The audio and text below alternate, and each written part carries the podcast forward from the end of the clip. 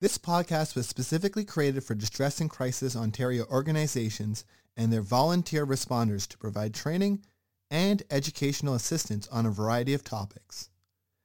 As information evolves and changes, these podcasts are meant to offer ongoing support with the goal of updating them on an ongoing basis. We thank the volunteer responders and the contributors to this podcast. Please visit our website, dcontario.org, for more information and how to access free mental health services. Thank you.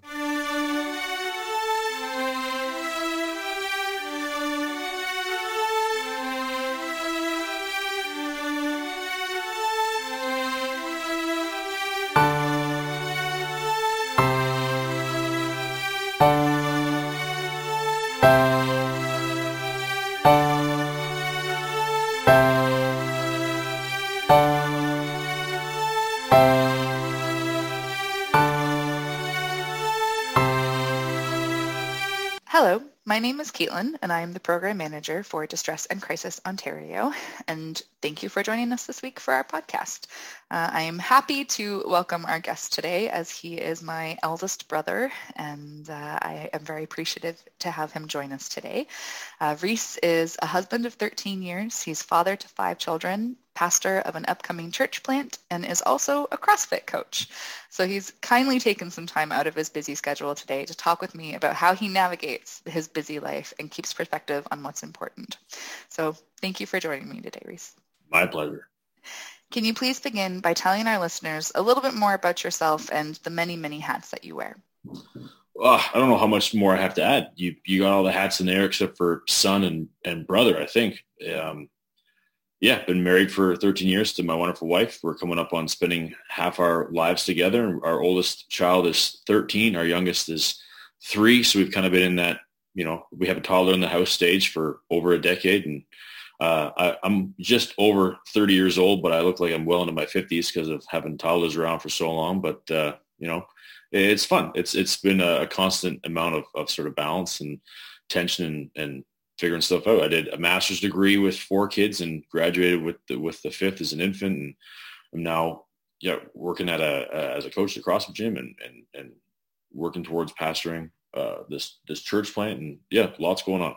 For our listeners' sake, I can confirm that you do not actually look like you're in your 50s.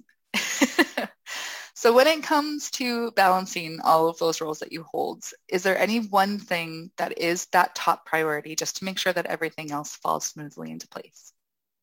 Uh, for me, as as a as a pastor, as a Christian, the the thing that I prioritize more than anything is my faith, and so uh, I think there's a certain amount, uh, probably a significant amount of grounding that comes from that. Of um, um, my relationship with, with, God is is something that that anchors everything I do. So as long as that is intact, I feel like everything else is, is is pretty flexible. I've, I've, you know, over the last number of years, I've gotten pretty good at, at juggling a lot of plates. My wife and I got married while we were still in uh, our undergrad, so we kind of uh, figured out how to juggle stuff right away, and we got pregnant on our honeymoon. So we've never been very good at planning things, and we've always been really good at adding uh, more things to deal with. So by the time I, I graduated with my my my undergrad, I already had a one year old. So the the thing that has sort of always kept me grounded in the midst of all the changes and the the nonsense and the craziness has been my faith and and and and God is good and and giving me the strength I need to soldier on through the madness. So how do you manage to balance all those things and especially understanding that you put your faith first where is it that you find the time to make sure that your own needs are being met um, like how is it that you prioritize your own health in the midst of all of that i think balance is a word that that is overused and uh, overappreciated. I, I don't know anybody who has done anything of value that has ever said that their life has been balanced. Uh, people's lives are out of balance constantly, uh, and and that's fine. Good things happen in in in the chaos. Uh, it's just a matter of managing chaos, knowing when you need more chaos or less chaos. And so um, there have been seasons in our life where I've been like, listen, we just need to.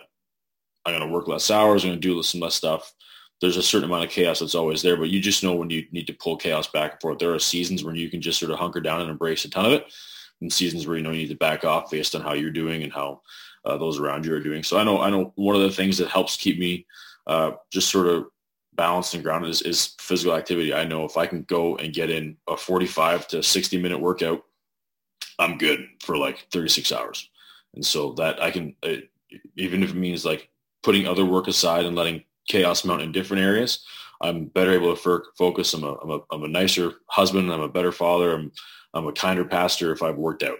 And so, you know, there, there are just certain things I know that if I can fit them in, those are priorities for those moments, but those things are also, you know, able to be sacrificed. I've worked out less the last couple weeks because I've had more stuff going on. So I've just had to grit and bear it in other areas. And you just sort of, if, if you're not, if you're not able to, to jettison things and be flexible, your life's going to be miserable. You just need to realize that, that, that things are, there are very few big rocks that can't be dislodged. Everything else you just kind of got to open with, hold with an open hand and, and, and play the, play the cards that come. Speaking of how you kind of didn't exactly plan for things to be the way that they turned out in many areas of your life. I'm a spectacularly bad planner. Is there any piece of advice that you would give to new parents or to those people that are starting to have the conversation about whether or not to start a family uh, when it comes to, yeah, overcoming those those uh, curveballs that you didn't necessarily plan for in the first place, and just just being better prepared for it? Mm-hmm. Well, I think by the the thing that I tell people that is probably the least popular thing I say in the parenting front is there's never a good time to have a baby. There's just not. They're they are uh, a massive inconvenience. They're expensive. They ruin your sleep. They take up your time. They take up your money. They smell funny. They, there's there's all these sort of things that babies do. Uh, there's just never a good time to have a kid. So if you're if you're waiting for that perfect moment, I would just say stop. That's just not there. You just need to wait until you you know if if you're keen on waiting, you just got to pick the the best worst time. Uh, and if not, if you're if you know you like like my wife and I did, you find yourself unexpectedly pregnant, then you just sort of uh, embrace it and realize babies are babies are super flexible. They kind of go where you take them, and they and they stay there for the first ten months. They don't do a whole lot. You, you keep them warm, you keep them fed, you keep them clean, and they can kind of go wherever. And so, uh, it's just realizing that having a baby doesn't need to change your whole life um, they they will go with you where you go. They the schedule you put them on is the schedule they'll keep. This they'll things will happen. They'll get sick. They'll do things, but but a baby doesn't have to uh, ruin all the things you're doing. You can you can you can fold a kid or two into your life pretty easily. And then other than that, if you're you're wondering how many kids to have and stuff, I'd say everything after two is kind of the same. It's like once you're once you're playing man on man defense, you're like, oh okay, like you just throw another one in there and it's not so bad. Uh, and as the older ones start getting older, they start getting helpful. They kind of start taking care of themselves. It's it's a little bit easier. But yeah, there's in terms of you know planning a family, there's there's good goals to have financially and and, and career wise and time wise, but there's never a perfect time. You can always have more money saved. You can always have you know more stuff prepared. You can always have uh, another promotion in your career. There's just there's never that perfect time. So you just kind of got to decide when to pull the trigger, start going for it. And if you're in the midst of the babyness, the fog does lift eventually. I promise.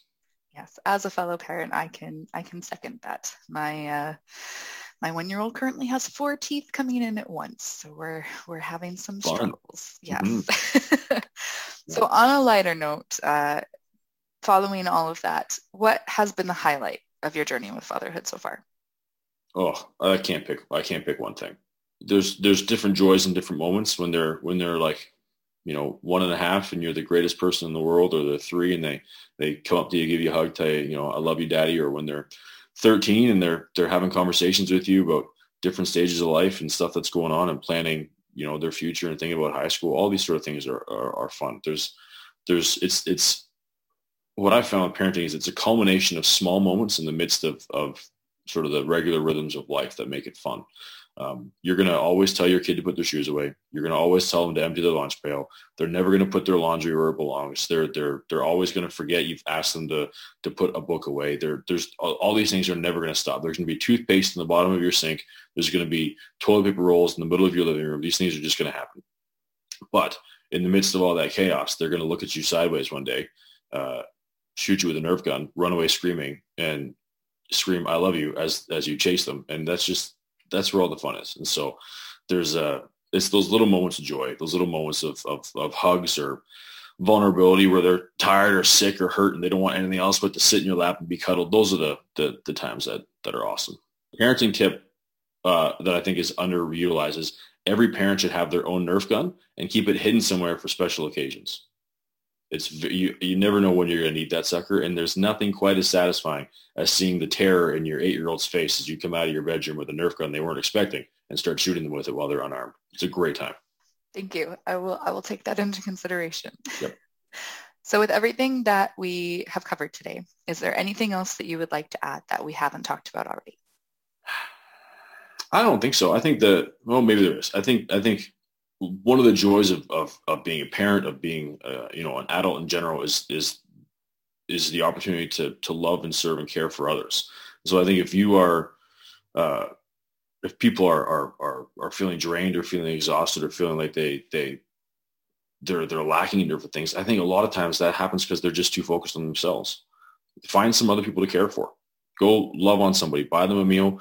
You know, take them grocery shopping. Go for a walk with them. Write them a letter. Do something that takes your mind off yourself, helps you love somebody else, and that does a lot for for people's mental and and, and emotional and spiritual well being. You know, but being being less self focused. Uh, is only going to be good for your your long term health. And so I think a lot of people, a lot of people, if they're feeling down, it's just because they're too consumed with with with a lot of the things that are going on in their own life. And and and yes, you know, things can be going on that are are difficult and hard to face, and and and and uh, and things can be happening in your life that are hard. But it's it's it's amazing how when you lift your eyes from sort of your own mess and you look to others and you you start caring for them, that helps you a lot. So it's always something I like to encourage people to do. Yeah, I think that's excellent advice. So thank you again for joining us today. I really appreciate it. No problem.